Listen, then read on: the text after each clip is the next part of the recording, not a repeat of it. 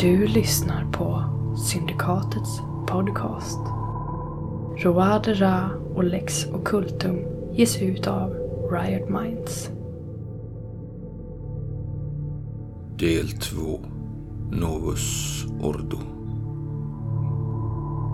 Hela naturen är ett konstverk, men okänt för dig.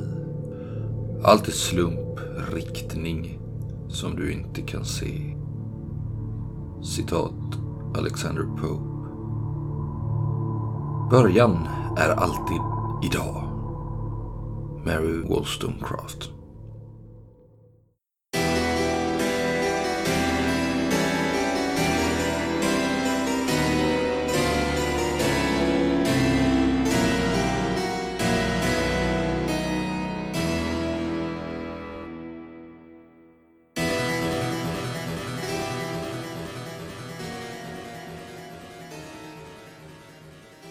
Det är den 24 december 1756. Alltså julafton. Och eh, ni har eh, återigen samlats. Gislaine, Roucault, Casimir Winters, Gerard Duford och Giorgio van Finkel. Ni är hemma hos Gislaine. Bjudit in dem till eh, julmiddag. Eller hur? Mm. Eh, och det är, kanske inte låter så anmärkningsvärt men det är faktiskt så att ni har inte träffats på några månader. Det har ju gått fyra månader nu sedan ni eh, avslöjade den här komplotten mot konungen. Syskonen Lafatelle. Och eh, det har ju hänt lite sedan dess. De blev ju ställda inför rätta och eh, blev ju eh, givetvis fällda för detta. Den här rättegången, det var inte mycket de hade att säga emot. De blev dömda som landsförrädare. Eh, dömdes till döden då givetvis. Efter tortyr och rådbråkning och avslutningsvis halshuggning. Och man stämplade dem som kätterska djävulsdyrkare. Man har spridit detta eh, bevis för detta då liksom över gator och torg här i Paris. Och eh, i samband med den här avrättningen så, eh, som var ett stort spektakel så visar kungen en gest av välvillighet mot sina undersåtar. Han delade ut en massa gratis bröd och, och sånt till folket. Men eh, den här eh, folktribunen slog man ju ner kort därefter.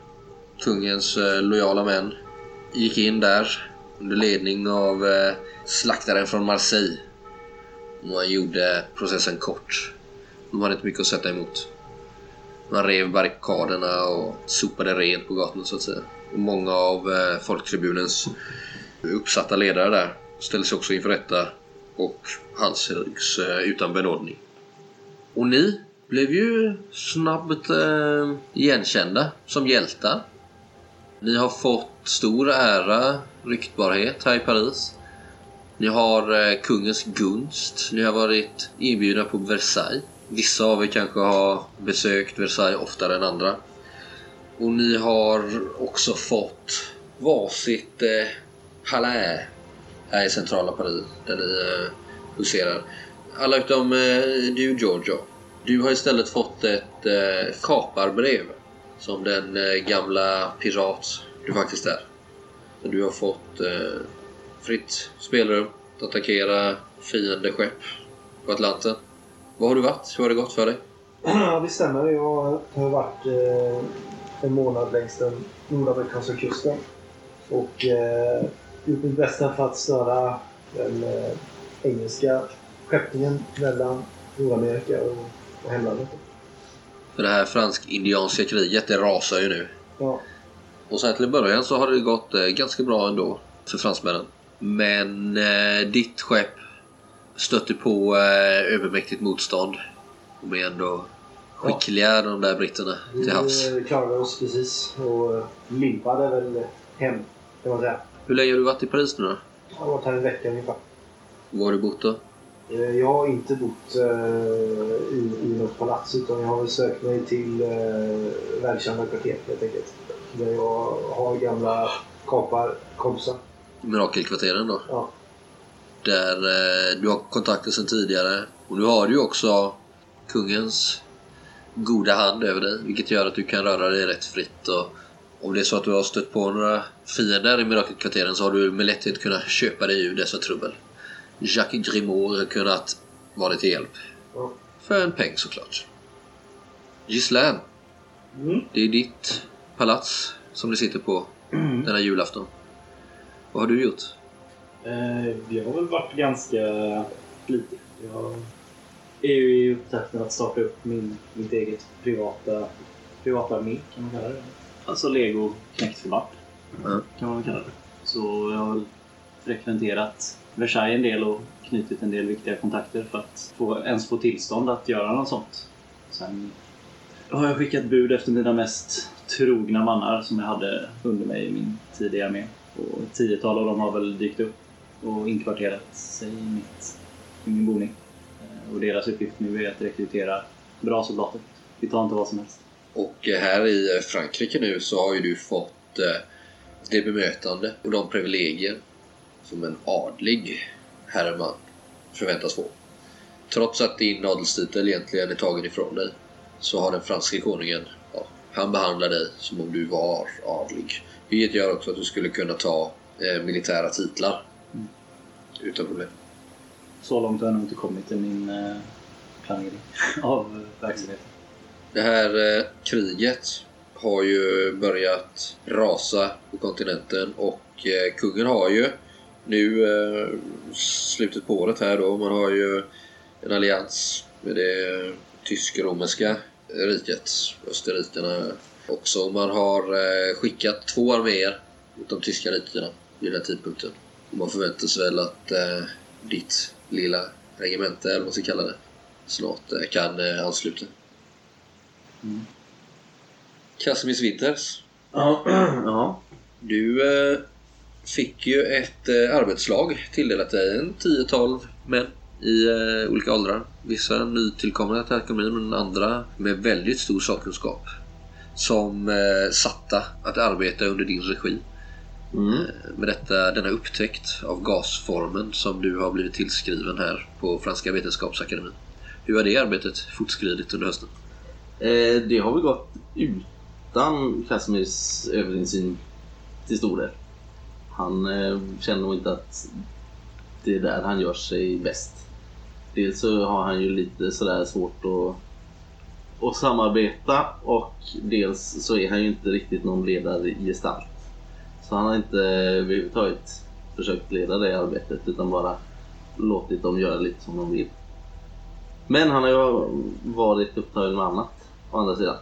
Han har väl tittat in där ibland och sett så att det händer någonting men inte gjort någon aktiv insats. Och sen är det ju dessutom kanske mest alltså en...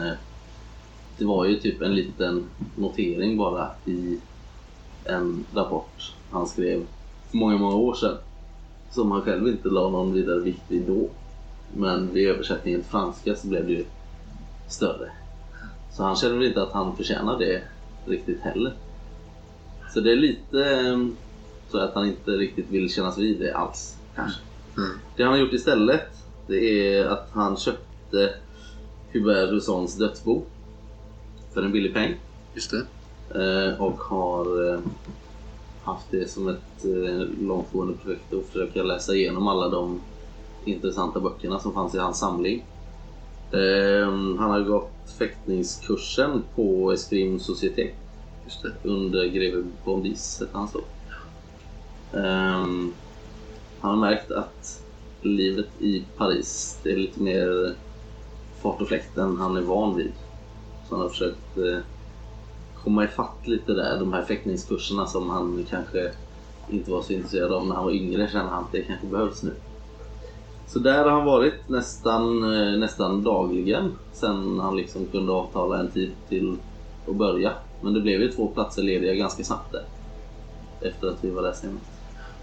Och eh, sen har han dessutom blivit stammis på ett ställe som heter Le Bospor. Bospora? Ja, en eh, salong med anatoliskt tema. Med turkiska betjänter, eller vad säger man? Servitörer. Eh, arbetare där. Så det är någon typ av eh, exotism snarare. Den drivs inte av ottomaner utan det är... Nej, precis. Det är nog mer bara ett tema. Ja. Sen är det väl kanske så att det är osmaner där. Ja. De hade väl fortfarande ganska bra relationer med Frankrike. Så det är inte så konstigt. Men eh, framförallt så är han där för att där samlas vissa intellektuella och för sina... Som de kanske vill hålla lite grann i det fördolda. Ja. Eh, och han har börjat ana att många av de andra som är där verkar vara del av ett, en inre cirkel, någon typ av hemligt sällskap. Men han har inte, inte, svarat, inte svarat på några inviter så ännu. Men han tycker om eh, umgänget där och tycker om att kunna sitta med lite grann i bakgrunden och inte ta så stor roll där. Mm. Ännu.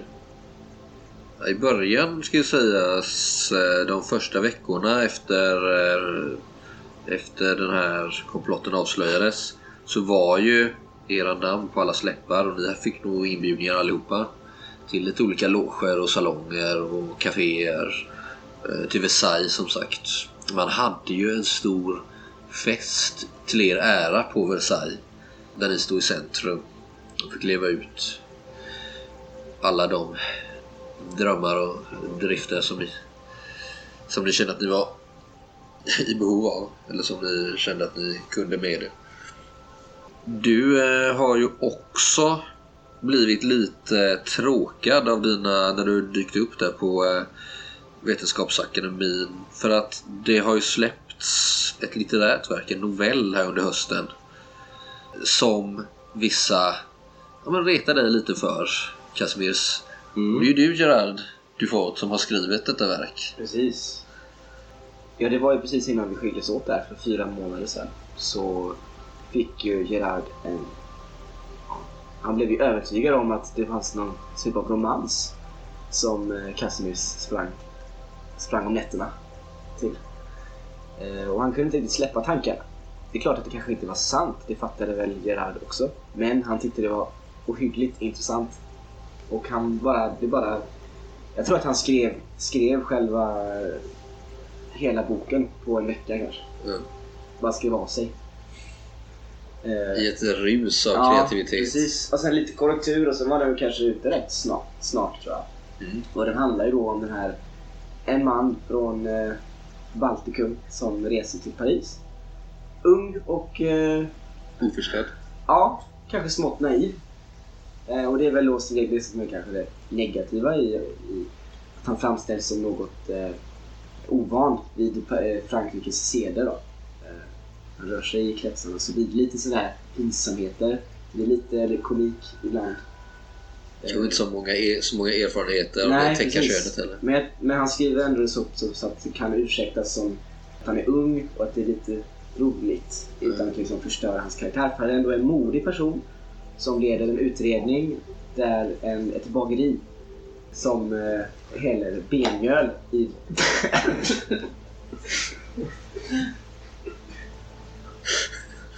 Hans vanföreställningar.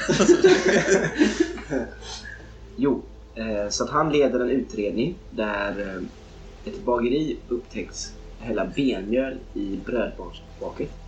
Och eh, han är där och undersöker och blir då kär i bagarens dotter. Vilket då leder till själva kärnan i boken, den här tragedin. Han griper med hjälp av sina medhjälpare som också kan nysta sin att förstås att det är de här... Ja, Ghislain då är då Monsieur, Monsieur Robust.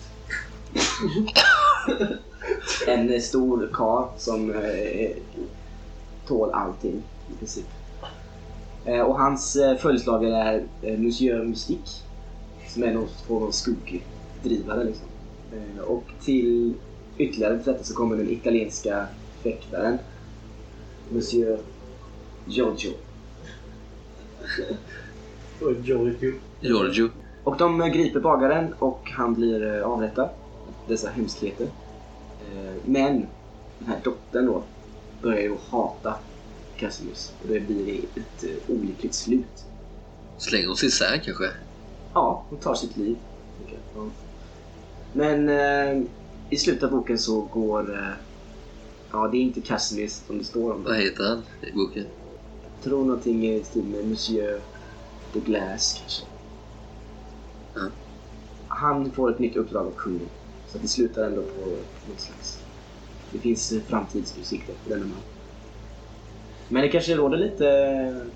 Man kopplar ändå att det är honom det handlar om. Ja, och eftersom med, med dina nya vunna, din nyvunna... Så där, ditt namn har ju flugit över hela Paris, alltså det är inget problem dig, för dig att få ut det här verket väldigt fort. Den trycks ju inte på Griffon. Eh, Nej, såklart. Men, eh, men den kommer ju ut ganska fort här under hösten och eh, ja, får ju en hel del uppmärksamhet. Absolut. Och det kanske är en av anledningarna till att ni inte har pratat så mycket de senaste månaderna. Jag skickar väl en kopia till alla dem. Ja. Med en vänlig hälsning. Mm. Men sen så tror jag att Gerard eh, försöker släppa detta och eh, halka in på nästa. Det kanske har varit en sån här slitningspunkt på akademin. Alltså, Casimir har ju förmodligen inte läst det här. Nej. Han har ju en massa annat att läsa.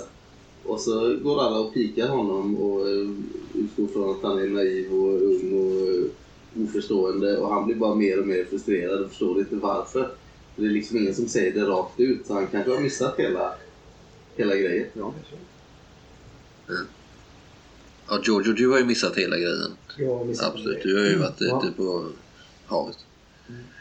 Vad har du mer gjort? Jo, eh, sen så efter detta så eh, återgår Gerard. Jag, går, jag återgår till, eh, vad man kalla det, studier. Jag har inte släppt detta med... Eh, jag tror inte att någonting är över. Det här eh, avslöjandet som vi gjorde. Det tänker jag att det är bara början. Så jag kanske vistas en del på eh, Louvre. Kanske låna hem om jag får. Och sätter mig och studerar de, det material som vi har och an, annat läser allt jag kan hitta om eh, uråldriga havsgudar och eh, eh, djävulsdyrkan och tempelriddarorder och blir smått besatt av detta. Ja, för det ska sägas också att det finns ju en sak som ni alla bär med er med obehag från eh, den här avrättningen där ni hade fått eh, där ni satt på första parkett inbjudna av konungen. Eh, det var ju just innan Dagobert skulle föras upp till rådbråkningen. Han var redan torterad och knappt vid medvetandet så, så vände han sig till, till er och skrek. Ni vet inte vad som väntar. Jag förbannar er i den svarta madonnans namn. Dieu de la mer. Svarta. Ni vet inte vad som väntar. Jag förbannar er i den svarta madonnans namn. Dieu de la mer. Och Dieu de la mer var ju det, det är LM som sagt. Och det var kanske lite det här som också fick dig Gerard att förkovra dig så mycket i det. Ja. Du har lärt dig en hel del. Men sedan väntade som sagt några glada veckor eh, på Versailles. Ni fick till och med vid något tillfälle titta på när eh, kungen eh, dinerade. Jag ska väl säga det också att en tredje besatthet som Gerard har är ju Monsieur Dupont. nu har ju inte han umgåtts med honom eller Gisela på väldigt länge. Jag tänker att han saknar det sällskapet liksom. Han har ju inte slunkit ur din tanke. Nej. Eh, så jag tänker att eh, jag har försökt anlita någon typ av tjänare eller hjälpreda i alla fall. Som påminner om honom. Eh, sen kanske inte mina förväntningar har eh, infriats. Det kanske har bytt ut personen i fråga gånger. Fast alltså så som, så som du framställer boken nu så tror jag Gislaine tycker, det, tycker han framställs ganska, ganska korrekt. Och, Mm. och Har han lite hybris? ja, absolut. Eh, så att eh, jag tror inte Gislaine är särskilt sur över boken utan snarare tvärtom. Och om man nu ska släppa en bok så är det ju bra att jag framställs som en hård, hårdför kille. Liksom nu när jag ska ändå rekrytera folk och sådär. Jag tänker att all, all reklam är bra så länge den är hyfsat positiv. Ja, och det här har ju hjälpt till också den här boken kanske att framställa dig som ledaren för den här gruppen. För det är ju lite så som de ser det på eh, akademin. Och Adlar verkar ju se det så också. Mm. Att det är du som är Monsieur Auguste. Ja, precis. Det, det Ja, alltså- bekräftas ju i den här boken. Din handlingskraft. Hybris vet jag inte, men alltså Gislan tycker ju gott om sig själv. Det gör ju liksom. Man tycker att äntligen har jag liksom fått det jag förtjänat hela livet. De tog det ifrån mig när jag var 20 och nu är jag äntligen tillbaks där jag började. Och nu jävlar ska jag släppa det liksom. Vilket lyckokast känner du att du eh, begav dig av till Paris. Det har ju vänt upp och ner på ditt liv på ett positivt sätt. Inte bara lyckas, jag tycker väl någonstans att jag förtjänar det här. Vad fan, jag har ju harvat runt och slitit som ett djur i 20 år för att få det här. Nu äntligen är det någon som liksom uppmärksammar mitt, mina dåd på något sätt. Liksom. Särskilt efter allt som din eh, släkt har gått igenom med att man fått eh, adelstiteln borttagen och så vidare. Kanske till och med har gått så långt att när jag, när jag är på alla bjudningar i Versailles så pratar jag väldigt öppet om vad jag tycker om, om makten i, i mitt Vallonien. Liksom. Ja, det tycker man ju om att höra. Ja, jo, men jag kan tänka mig att det kanske sånt sprider sig ganska fort. Det finns väl spioner överallt, tänker jag. Sådär, så att jag tror mina forna landsmän nog inte så här. Hur är det där? Det är ju Habs, Habsburgare som, Ja. som har makten. Och, Österrikiska, Nederländerna hela vägen ner liksom? ja, Österrikiska Nederländerna heter det. då... och de, ligger- de ligger väl inte så i så god jord med Frankrike. Liksom. Jo, nu är de väl det. Men eh, De var inte det nyss. Nej, precis. Eh, De, de har ju aldrig varit det förrän nu, sent det här året. 1756 har man ju blivit allierade, men innan har man ju aldrig varit det. Och någonstans så viskar man väl lite om att ja, ja, men efter kriget så kan vi nog se till att den där landsbiten blir fransk. I alla fall den vallonska biten.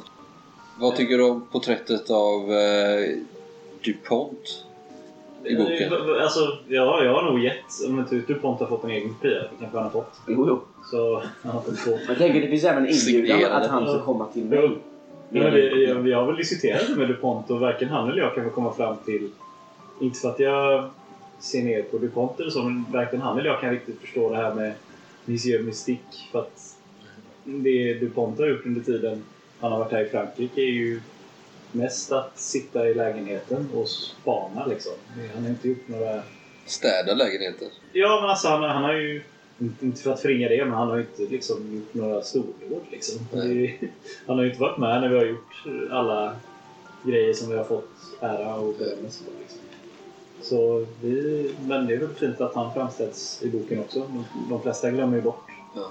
personerna i bakgrunden. Så att det är väl... det står ingen tvivel hos Gislaine då att, att uh, Girard kanske vet någonting som inte du vet.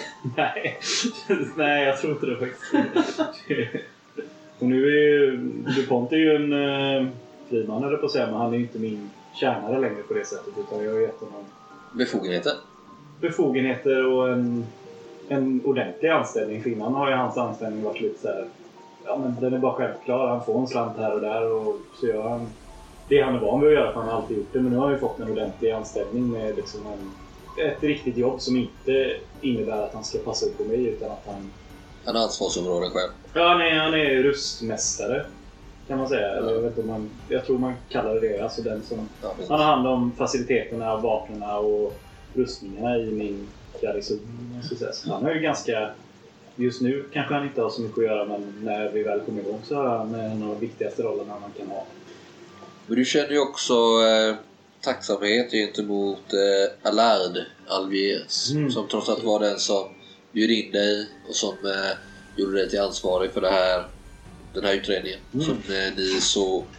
Ja, han har väl fått en inbjudan till eh, julmiddag, tänker jag. Ja, eh, men eh, han gav sig ju av ut på eh, till sitt gods Mm. eh, ganska kort efter det på inrådan av eh, Casimir Winters. Han eh, kände väl att han hade jobbat sig helt slut nu liksom. Så han har tagit sig en välbehövlig respit och är eh, på sitt gods i syd- sydväst, sydöst om eh, Paris. Så honom har inte heller hört av. Kanske lite brevkorrespondens och sådär. Men ni har inte hört av honom eh, de senaste två månaderna i alla fall. DuPont kanske rent av har en egen tjänare eller? Ja. Som han kör med något så in i. Nej, det tror jag inte. Han är nog väldigt obekväm i den rollen som... eh, Känner en stor bredvid och tittar på när du får inte göra. Ja, men typ lite såhär. Han kan inte riktigt släppa det kanske. Men eh, fått någon känner. Girard kommer hata mig.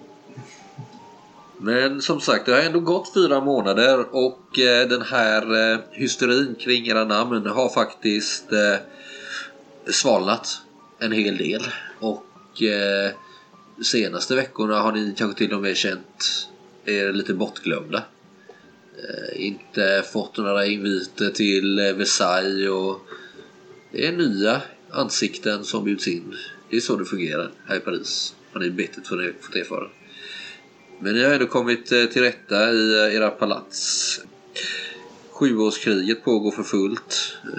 Liksom det här fransk-indianska kriget i Amerika där du har varit Jojo. De är väl besläktade. Mycket har väl återgått till det vanliga här.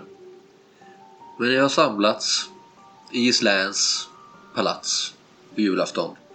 Och eh, snön faller tungt utanför eh, fönstren. Och eh, ni, eh, den franska julen kan sägas eh, det innebär fest och musik, spel och dans. Och man eh, inreder sina hem med så här tallgrenar, bär och tallkottar. Och en viktig del är eh, ja, vad ska man säga, jul, julfamiljen, alltså Jesus, Maria och Josef.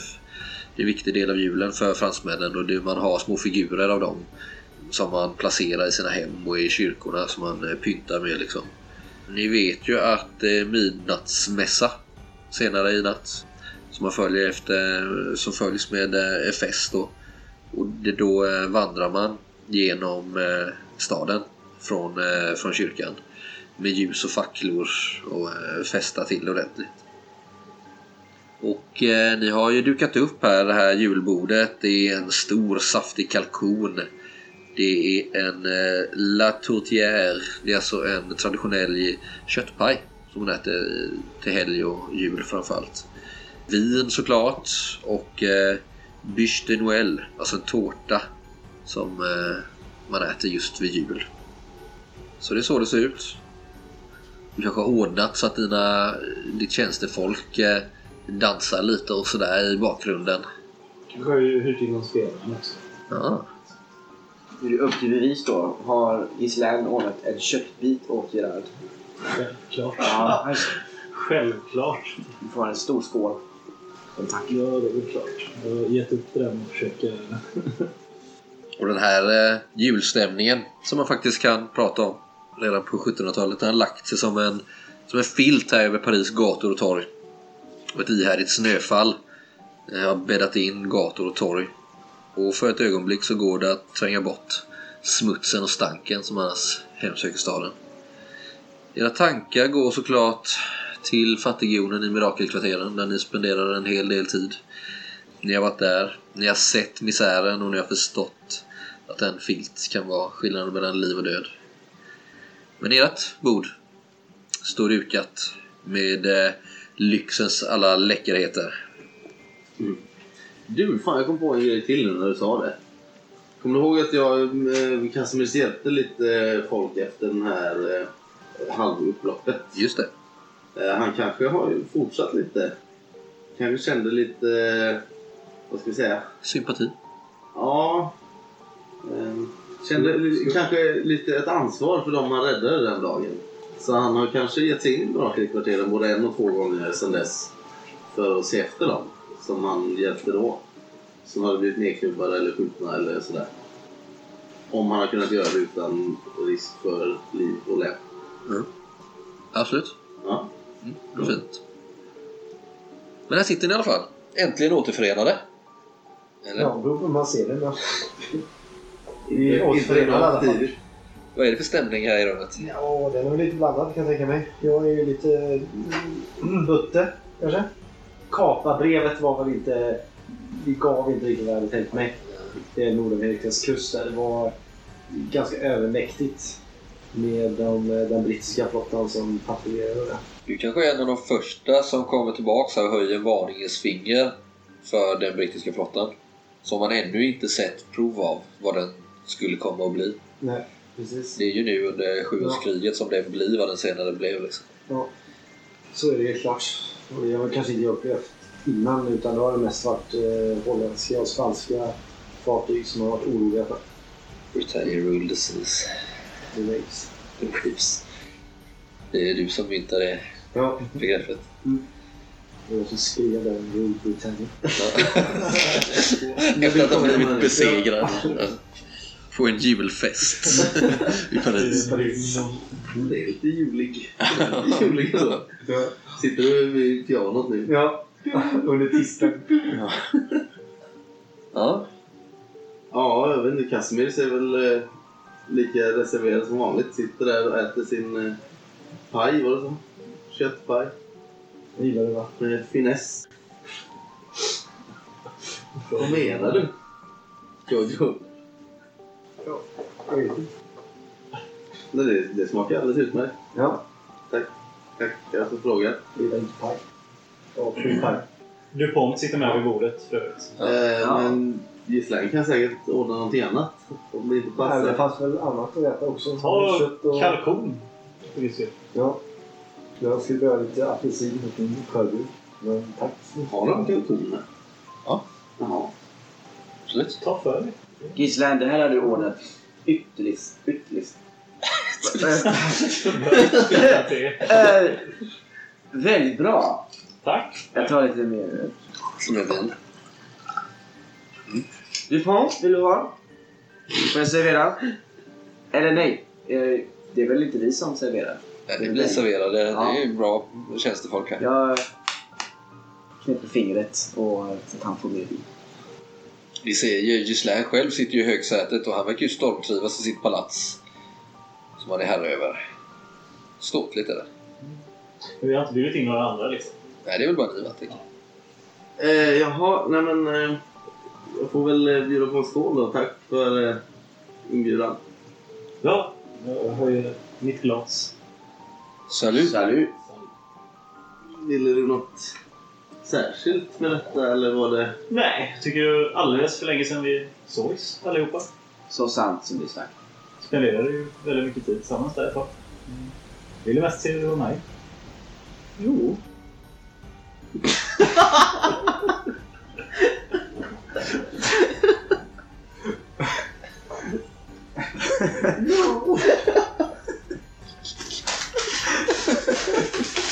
Jaha.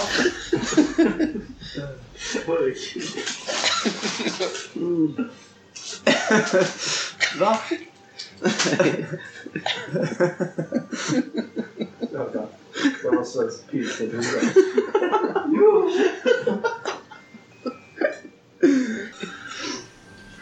Ja, det är lite eh, spänd stämning kanske. Verkar det som. Vad pratar ni om då? Ja, jag tror jag nämner Gerards bok ganska snabbt. Alltså den gamla. Jag läste den precis. Ja, ja, okej. Ja, jag har viktigare saker för mig nu. Men eh, tyckte du om den? Ja. Ja, ja, absolut. Det kändes väldigt... Eh, ja. Gillade karaktären. Ja. Ja, jag har ju tagit en del inspiration från våra Alltså, ja, ja, det var det. Ja. förhavanden. Men det är ju en eh, fiktiv skildring. Ja, ja Såklart. absolut. absolut. Ja, förutom det här med benmjöl då. Det, det var du ju rätt tämligen säker på att det Jo, jag tänker att det ja, passar på att lyfta kunskapen till allmänheten. Ja. Vad ser du dig själv som någon slags folkbildare? Vad, vad menar du med det? Ja, med tanke på att du vill lyfta kunskapen, som du sa. Ja, jag tror att folk har ganska svårt att tro detta. Men jag är ganska övertygad om att det är så. Okej. Så att det är mitt sätt eh, att sprida vetskap. Är det sant, eh, Casimir, säger DuPont? Det som eh, Gerard eh, skriver här om din kärleksaffär med en bagardotter var att du fick ditt hjärta krossat. Ursäkta? Nej. Eller ja. Det, det, det står ju så här i boken. Jag har inte riktigt haft tid att läsa det där. Vad... Det är ganska komiska stycken här. Vill jag minnas. Nej, det är ju inte sant såklart. I, vad, vad, vadå komiska stycken? Nej, men att du eh, föll för hennes bruna ögon. Eh, men att hon inte kunde bli din när du hade satt hennes far bakom lås och bom. Det låter inte så komiskt.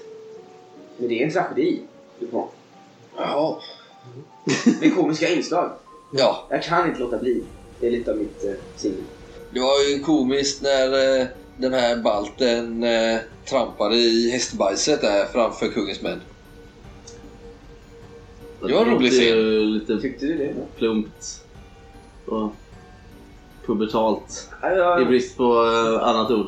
Och när han eh, tappade byxorna där när han skulle visa sin eh, fäktkonst för bagardottern. Det trodde jag att jag Vad är det du har skrivit egentligen? Jag inte den biten? Nej, jag läste det.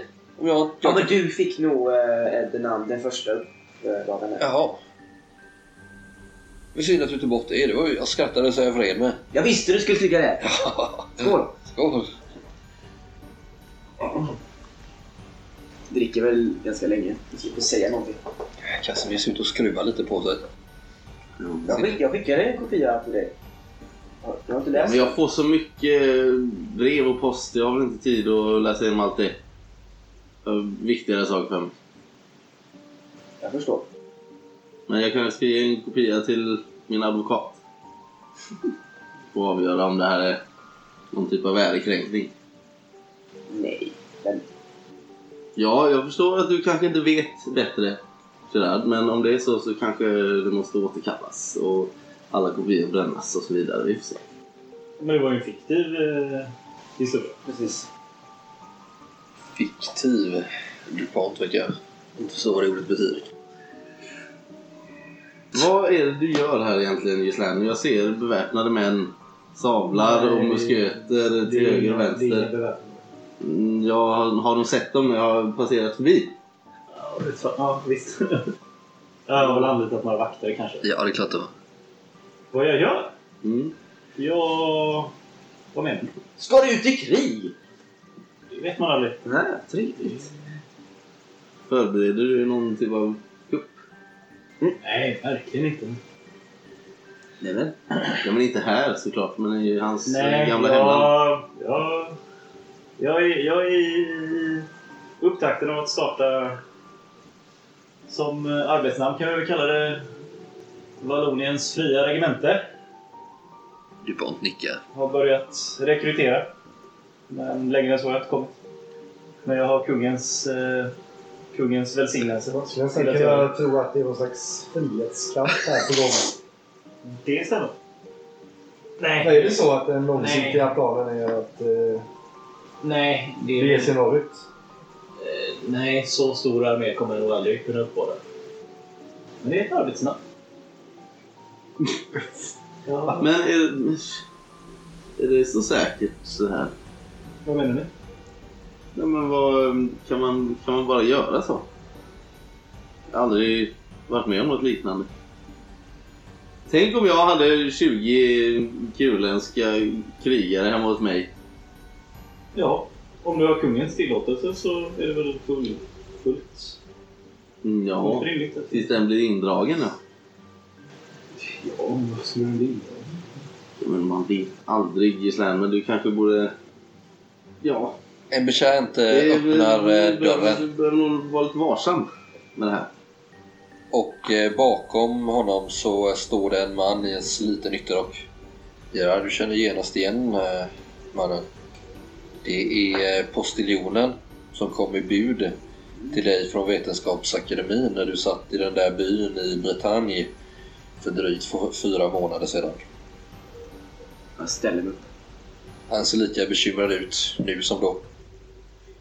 Han eh, bryr sig inte ens om att buga. Han går rakt in och sträcker fram eh, handen så här. Jag brådskande bud till sällskapet? Titta på dig Gerard också. Den här gången var det inte lika svår att hitta. Nej. Han lägger en eh, oöppnad eh, posttub på bordet och borstar bort eh, snön från axlarna. Ja, eh, vem är mottagaren?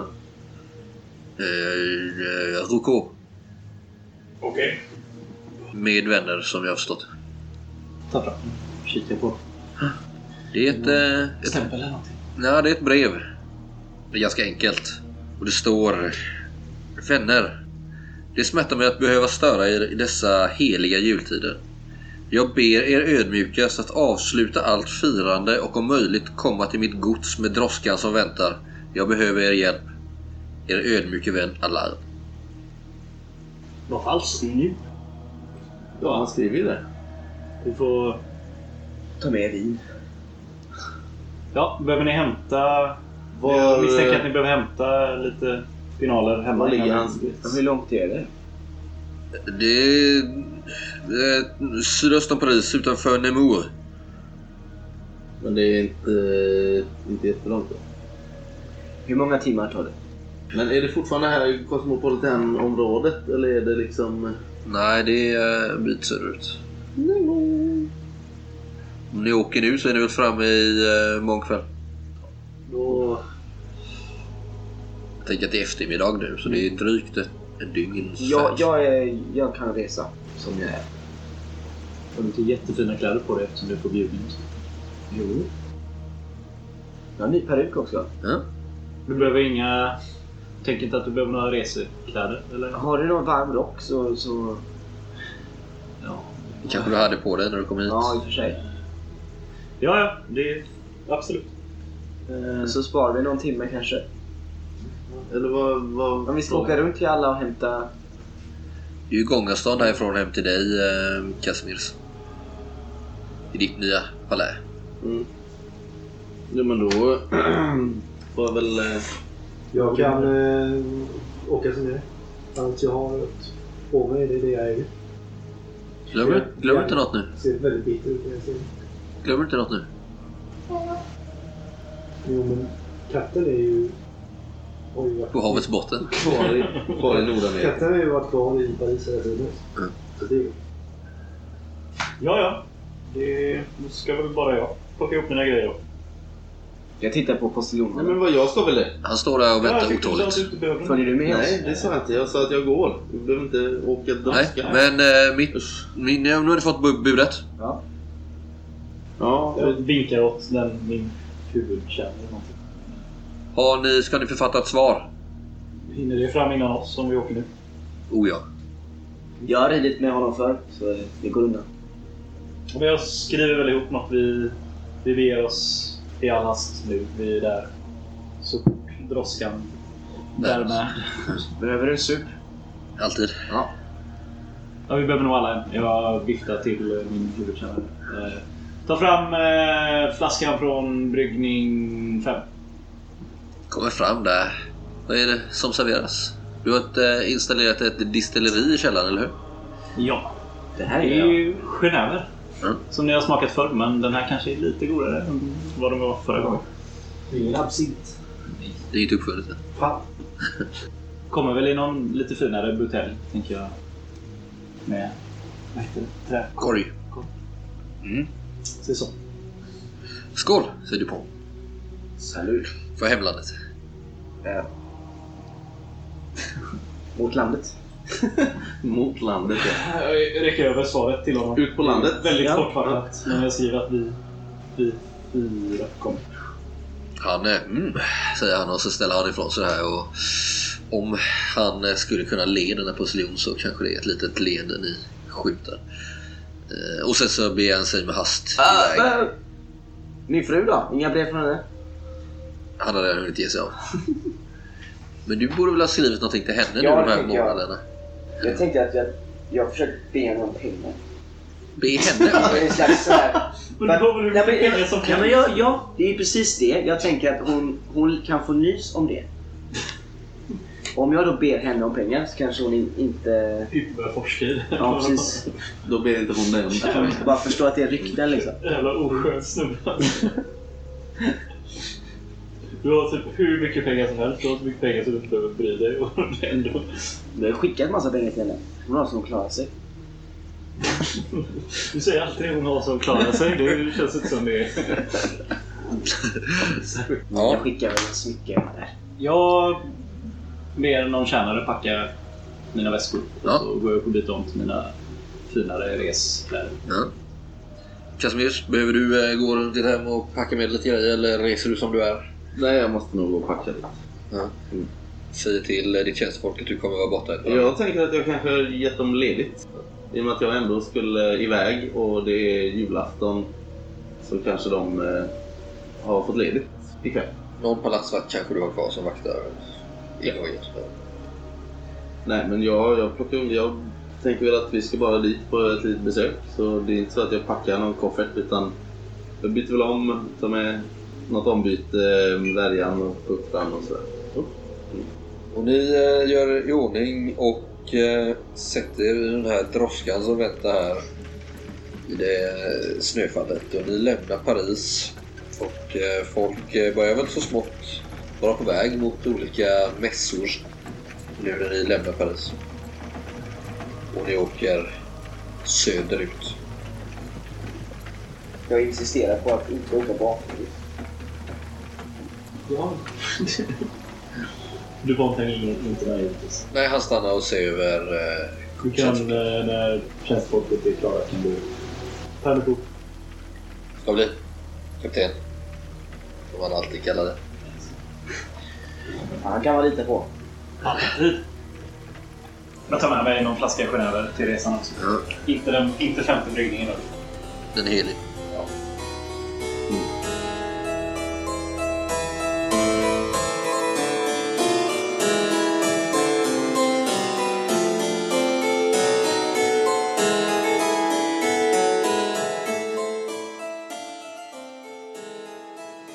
Och eh, sent nästa dag, kvällningen, så eh, kommer ni fram till eh, Allards gods som ligger på en eh, kulle väster om staden Nemur. Det här godset är eh, ganska litet, anspråkslöst men eh, tillräckligt ändå för att dra till sig blickarna även från långt håll. Eh, Och man når godset via en eh, imponerande allé som eh, ni får veta kusken eh, när ni kliver av har eh, sägs ha anlagts av eh, romarna redan den här allén. Liksom eh, godsets eh, grund ska också vara ända från romartiden. Och eh, ni känner nog till, eh, i alla fall kanske Gislaine, eventuellt även du Gerard, att eh, de här domänerna tillhör huset Bourbon sedan eh, säkert 100 år tillbaka. Det är alltså kungahuset. Och på eh, trappan så kommer eh, han ut. Alain. Och han ser ut att vara glad i hågen. Hans tjänstefolk kanske har väckt honom nu när ni kom ut där och ni eh, tar era, er packning, eh, det lilla ni har och kommer ut här på gårdsplanen och, och upp mot till eh, Jean. Där han står och väntar med öppna armar. Ah, Gislaine! Casimir, Gerard och alla ni andra. Välkomna, välkomna. God jul! God jul! God jul. Han ger dig en, en broderlig kram, Gislaine. Krama tillbaks. Nej, Vad skönt att se dig vid så gott mod, Allard. Ja, vi Jag var rädd trodde, att... Eh, trodde att någonting hade hänt. Nej, nej, nej. Jag, eh, jag har eh, jag har bara dragit mig tillbaks här för att vila upp mig. Så, så, så som ni sa, Monsieur Winters. mm. Och vilan har gjort mig gott. Men ja, jag ska säga att eh, jag har ju givetvis inte kunnat hålla mig ifrån vissa av mina studier. Det, det, det, det, det ska jag erkänna. Men, men, men, men det ska vi inte stå och prata om här ute i kylan. Kom in, kom in. Så eh, värmer vi oss vid en brasa och ska bjuda på en riktig brakmåltid. Och han eh, tar er in där till ett stort dukat eh, bord. Eller mer eller mindre dukat. Hans eh, tjänstefolk eh, verkar ställa in den eh, mat som man eh, haft framme för någon timme sedan kanske. Och eh, ja, ställer upp här. Vissa av dem ser kanske lite sömndruckna ut som att de kanske redan hade gått till sängs. Men eh, nu är det dags att jobba igen. Hur har det varit? Hur har ni haft det? Berätta allt! Bara bra tycker jag. Jag skrev väl i något brev för några månader sedan att jag var i upptakten och starta mitt eget Ja, förband. ja, ja, hur, har det, hur har det gått? Det går framåt. Det går sakta men eh, det gör det när man rekryterar efter kvalitet och inte kvantitet. Precis, det där känner jag igen. Det, det går till framåt, det går framåt. Från mitt arbete med eh, på Vetenskapsakademin. Du ser ju vilken tid det tog för mig att eh, få in er till exempel. Gerard, Ja, ditt senaste verk det har jag läst med, med stor glädje. alltså det... Ja. Ja, jag hoppas inte att eh, herr Winter stod illa upp. Var, alla förstår väl att det var skrivet med, med välmening. ja. Men, men liksom... Inte än. Jag har inte läst den. Men eh, vi får se. Då har du eh, angenäm läsning framför dig. Men alla, precis som er har jag inte kunnat släppa mina viktiga studier. Ja, nej, det, det måste jag säga. Det jag fick läsa där släppte mig inte om nätterna. Och, eh, jag har suttit många timmar hukad över dokument. Ja, eh, kungen var givetvis noga med att all information om den här komplotten och upproret i Paris skulle samlas in och låsas in i säkert förvar efter att eh, ni hade fått studera det. Men ja, jag kunde inte sluta bry mig om vissa saker som jag hittade. Jag tror att vi bara har skrapat lite på ytan i något mycket större som pågår. Lutas fram över bordet och tittar intensivt på er alla fyra. Jag har gjort en hel del efterforskningar. Nämligen Dieu de la Mer. Höjer ett finger. Det var tydligen ett stridsrop som en grupp tempelriddare använde sig av under det tredje korståget. De tillhörde ett kompani som hette Sang de Croix. Och Dieu de la Mer. Det har inte använts på något sätt vid någon tidpunkt sedan korstågen. Tills nu när de här syskonen eh, använde det i den här komplotten mot kungen. Vad sa du att... Eh, Sang de Croix. Det är ett ganska oinspirerat namn för en ja, grupp vad är det? Heliga korset liksom. Blodig. Blod. Men ja, jag har ju lite kontakter som ni, som, som, som ni, som ni säkert känner till och eh, ja, jag har faktiskt eh, lyckats Tredje korståget, när var det? 1100-talet va? 1189 var slaget om Acre. mellan 1189 till 1192. Men jag får tag i de hemligstämplade förhörsprotokollen från eh, förhören, eller ska vi säga tortyren, av Dagobert. Och ja, de avslöjar ju inte bara den här fruktansvärda tortyren som eh, ja, var lite svår att ta sig igenom. Men också information om tempelriddare och gamla hemligheter. Mm, det är helt enkelt för många frågor som inte ännu är besvarade. Jag har kontaktat en, eh, en man i Paris, en historiker. Ja, ganska framstående, känd sådan. Ni kanske känner hans namn? Ernst Heller. Nej. Skulle man igen det? Eh, personkännedom? Ja, tre alltså. Ja. Du kan ju också få använda plussen för eran eh, maktsfär. Ernst Heller, är han tysk? Ja, det är han. Jag lyckas också. Inflyttad, kom till Paris i unga år. Förstår. Mm, jag känner igen det här namnet och han eh, har väl eh, kontakter på akademin. Kanske varit där själv också. Och han eh, tar fram här, han visar lite brev han har fått. Jag bläddrar i dem. Det handouts? Jag fått fem, fem stycken sammanlagt. Jag kan, jag kan läsa högt här det första brevet. Eh, Ni, ni kan få, få behålla det sen. Men jag kan, så, så här skriver han. I första brevet. Låt mig klargöra att förhörsprotokollen utförda av Jacques Fournier eh, Eh, 1318 till 1325 av eh, Beatrice de Plainsol, Barthélemy Amiliac, Dracid Lissier med flera finns i två versioner. De officiella som finns i kyrkoarkiven i Avignon samt de som enligt ryktet ska finnas i de heliga arkiven i Rom. De sistnämnda protokollen sägs innehålla information som varit för känsliga för kyrkan både då och senare. Jag har kommit över och, och nu, nu, nu- nu läser jag eh, Hellers ord. Eh, vad jag tror kan vara ett sådant hemligt protokoll avseende förhören med Jacqueline Dencaro av Az. Och så vitt jag kan se innehåller de avsevärt mer information än de officiella dokumenten. Bland annat sådant som handlar om den svarta madonnan. Jag skickar dokumenten separat med speciell kurir. Såklart finns det inga möjligheter för mig att undersöka protokollen ytterligare, men hoppas ändå att du är nöjd. I mina efterforskningar har jag även stött på Dieu de la Mer i en liten kuststad vid namn Notre-Dame de Ratis. Det syns finnas ett samband mellan dyrkan av den svarta madonnan och en ritual som utförs i staden och där orden Dieu de la Mer används. Således Notre-Dame de Ratis verkar vara själva hjärtat i den svarta madonnakulten och någon form av dyrkan av havet. Låt mig därtill tillägga att området ligger nära katarernas domäner och skonades inte av inkvisitionen enligt de uppgifter jag har. Möjligen finns det ett samband men det ska nog undersökas på plats. Jag har haft betydande utgifter och skickar separat specifikation till Ja, ödmjukast Ernst Heller. Intressant, eller vad säger ni? Mycket ytterst. Dieu de la Mer. Notre-Dame de Ratis.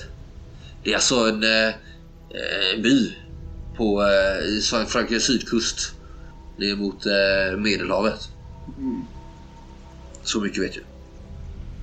Här, eh, nästa brev står det så här. Bästa alla. Idag fick jag ytterligare information som jag tänker kan introducera dig. Bifogat finns följande avskrift. Tänkte att jag skickar dem med brådskande bud. Min slutsats är att jakten på de sista tempelriddarna i huvudsak hade med helt andra saker att göra än vad historien har lärt oss. Ödmjukast Ernst Heller. Och där står... Kan du läsa eh, vad det står där Casimirs? Mina ögon är så svaga. Ja, förlåt mig. Vänta. I det bifogade brevet. Här står Fournier protokoll enligt ad extirpanda anno 1327. Är det den du menar? Ja, Mm. Fransk översättning Broder Alfonsus 1642. Explikationer per den 22 mars i nådens år 1327. Idag förhördes kättaren och tempelriddaren Michel Solier. Konklusion görs att inga djävulsmärken har hittats på hans kropp. Mannen pratar dyrkan av Maria Magdalena och hemligheter hon sades föra med sig från havet. Han yttrade Manta Dieu de la Mer vid flera tidpunkter, men vi tolkar det som nonsens. Inga vidare förhör behövs. Kättaren bör dömas till döden ni ser ju själva.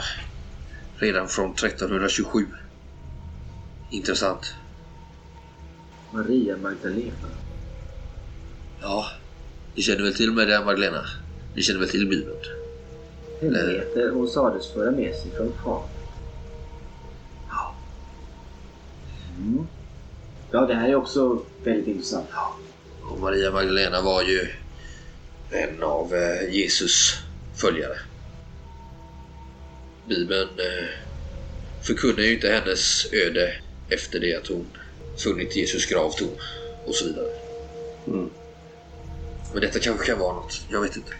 Ja, jag, jag läste igenom breven här som hastigast. Och ehm, han verkar ju ha många olika teorier, Ernst Heller. Ja, Många olika spår att följa upp. Här står det till exempel i det tredje brevet. Tack bäste Allard för ersättningen. Jag är osäker på om detta är av intresse, men i mitt sökande har jag stött på Gör de la Mer ytterligare ett sammanhang.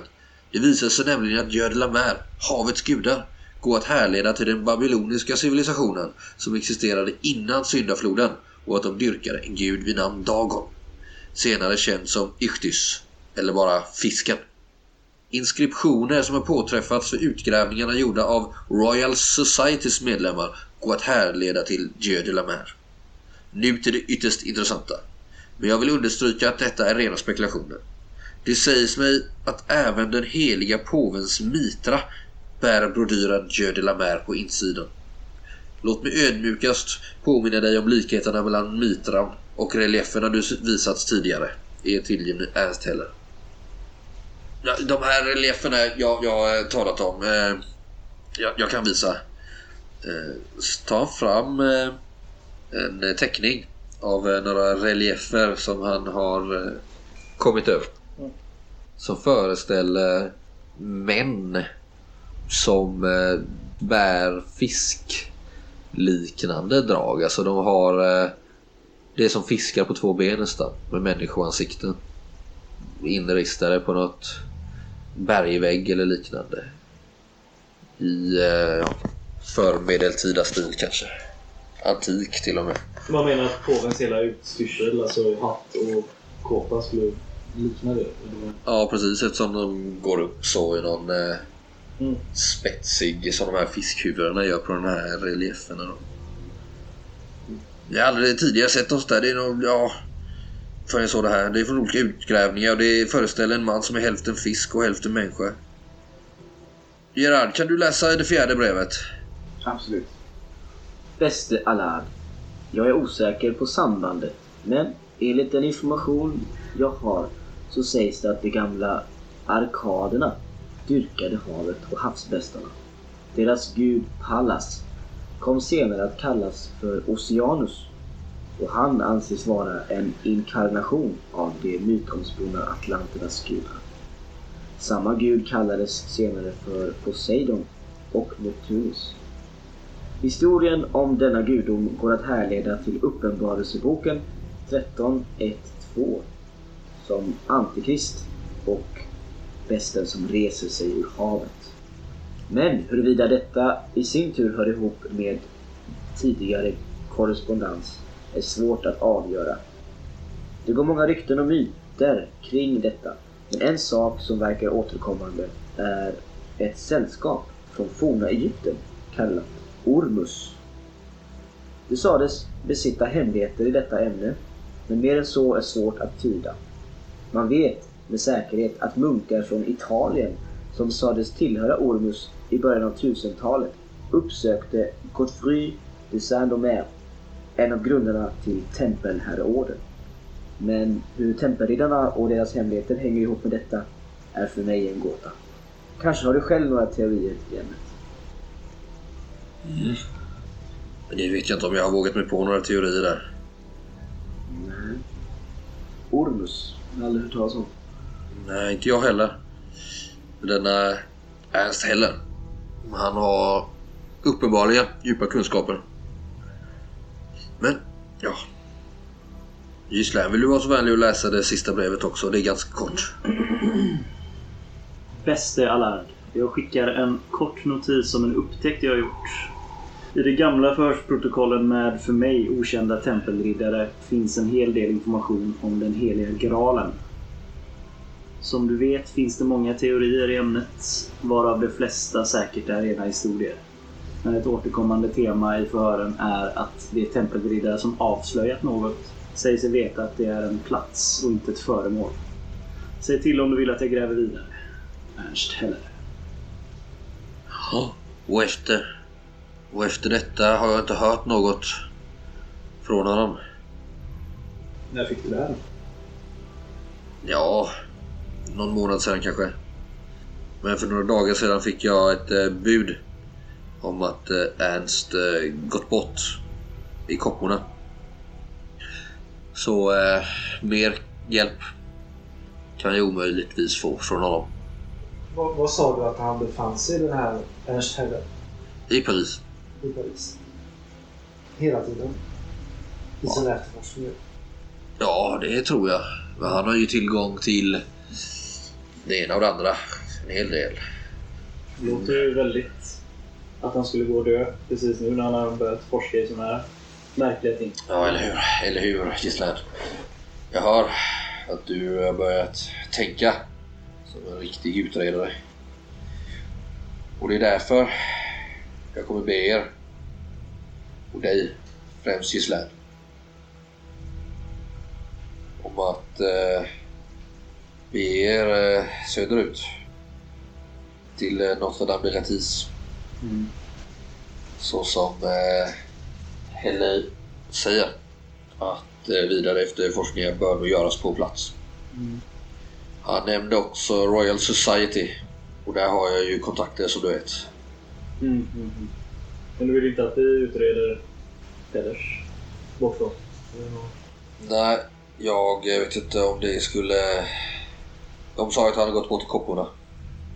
Och Och det får jag väl ta för sanning. Men som sagt, han är med i Royal Society och där har jag ju kontakter. Trots rådande världsläge så eh, har jag... Ja, men vetenskapen står väl ändå över politiken? Ja, eller hur? inte så? Jo, och jag har fått beviljat att göra ett besök. Så jag kommer bege mig till London för att fortsätta mina efterforskningar där. Nu får min ferie ta slut. Eller hur Casimirs? Ja, du verkar ju ha repat dig ordentligt. Så- har lagt på sig lite här nu. Titta lite sådär så han inte har glansiga ögon eller Förstår inte till det. febrig hy. Nej, Han verkar väl någorlunda... Han är alltid, han är alltid lite svettig så liksom. Lite småstissig, men nej det verkar väl inte... Men alla lovar mig en sak. Att du är extra försiktig. Ja. Jag reser inte ensam.